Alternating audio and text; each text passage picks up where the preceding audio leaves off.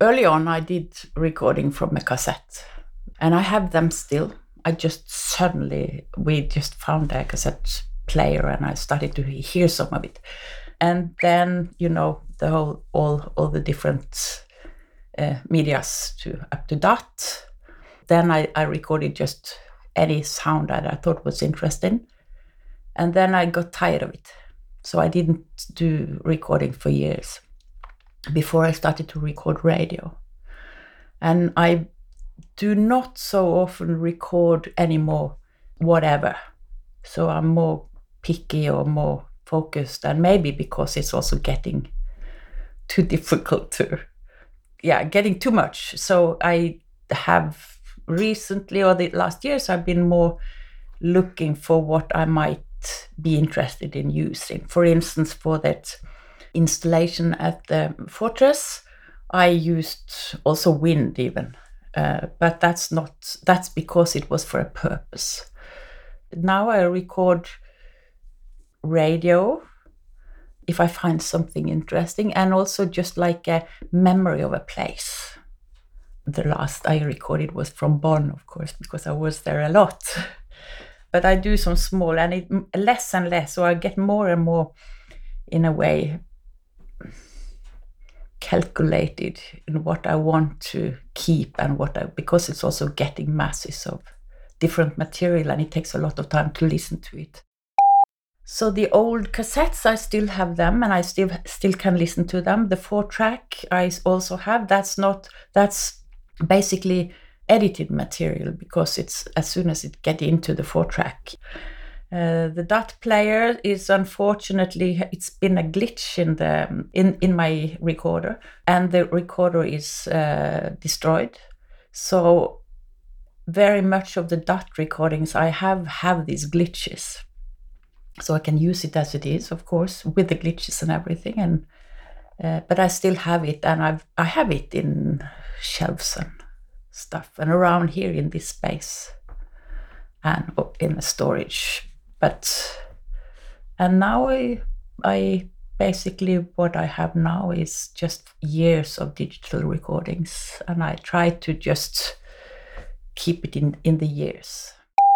I try to name it correctly and sometimes I put a note but and I, I write not really diaries but I have books that I, I write a lot of notes and I draw and I uh, they they go with they are part of my de- development of any project and i draw sound sketches and i draw ideas of how things could look visually in the space etc and in these notes there are also notes about sound recordings and things like that which is a very difficult thing to find connected to the sound itself. So i tried to for instance for the radio i write the language and the city often but it's it's not so i i think if i started to go back with it i would be a bit uh, sad or upset because i haven't done the proper work.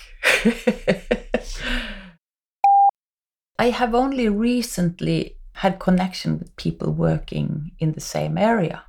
So it's not really it's not as far as I know, it's not much uh, radio activism around here. Uh, I uh, there is no tradition, so it's not it's not uh, young people getting into it from early and then keeping on and changing things. Or maybe now, maybe now there is people coming in, but I haven't seen that. So I haven't been a part of a scene here locally. And the last years when I have, I mean, the last 15 years or 10 years i've been traveling much more so uh, with my work. Still uh, where i have exhibited it hasn't been uh, with radio colleagues or something. So when radio revolten was in 2016 it was an eye-opener for me too because there was this amazing scene and it was so many different people and people were doing so incredibly different um, uh, approaches to the radio. I thought that was really interesting, but I didn't feel my well. I am, I am a part of that scene, but I haven't strong connections. But I am since I work with what I do. But uh, I haven't really known so much about it. Feels like I'm living very far north. Because, but I know about it, of course, but I haven't engaged with any society working with radio in the same way. It's not completely true about this radio because there is a radio amateur society in Bergen and they have embraced especially one person and he's been um, embracing what I do and uh, been very engaged and there is this museum outside Bergen who's have had the history back to the start of the radio in Norway. And they still keep on that place and there's a lot of radio amateurs doing practicing their radio amateurism but not in an experimental way but in the traditional way but they are very positive to now erin sexton which is a um, canadian uh, artist living in bergen working with radio and she's part of that society as well they invited me in it's also been a very interesting approach to me to see how the the the radio amateur or radio operators are doing. So I think that's really nice. And I also met uh, met people different places working in that way. But it, it and again, I think it, it, feels like I'm I'm standing on the platform looking out and seeing if somebody's doing it, and if there is that it connects, of course. But I haven't really. Uh, and I, I'm, I'm aware of the radioactivism, and I think it's a fantastic way to use the medium. It's amazing, and I miss that it hasn't happened here. It would be fantastic, uh, and maybe it will. That's what I hope now, because the FM is free. So it's not free, but it's a lot of space there. So I indeed hope that we can um, do uh, take care of that space, and I think we will I think there's still a lot of people having these uh, objects or having the radio still. But it's true, it's a lot who's getting rid of it, and it's a big dilemma. It's a big, and I think it's a disgrace for the for the whole medium. Actually, also the way it's been announced from from uh, the state side that it's going to be shut down because it's actually not true.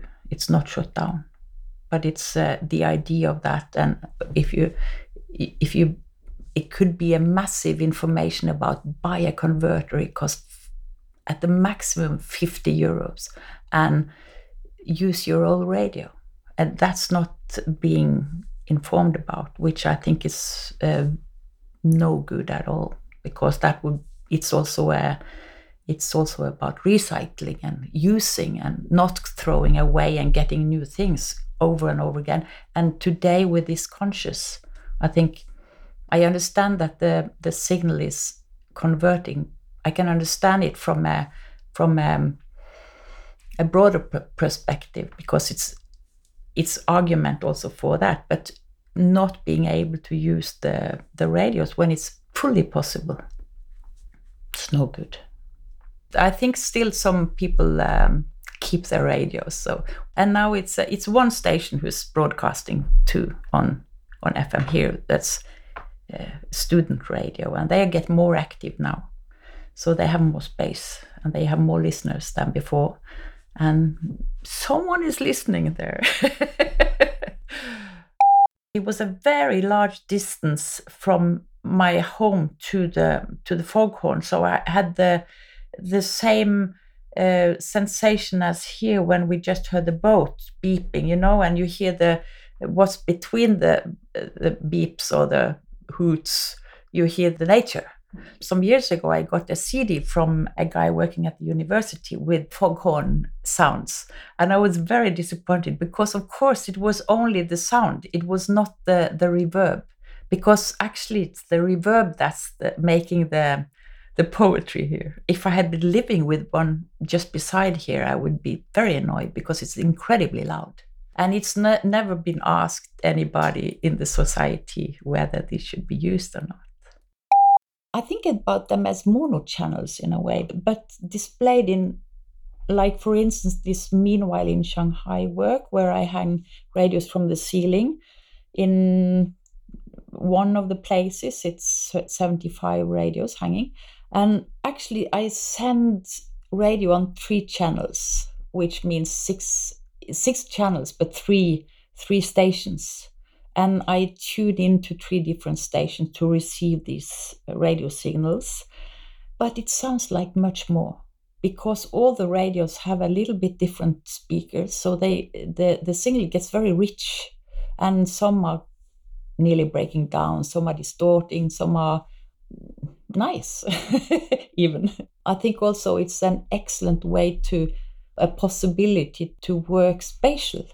I think that's quite fun, actually.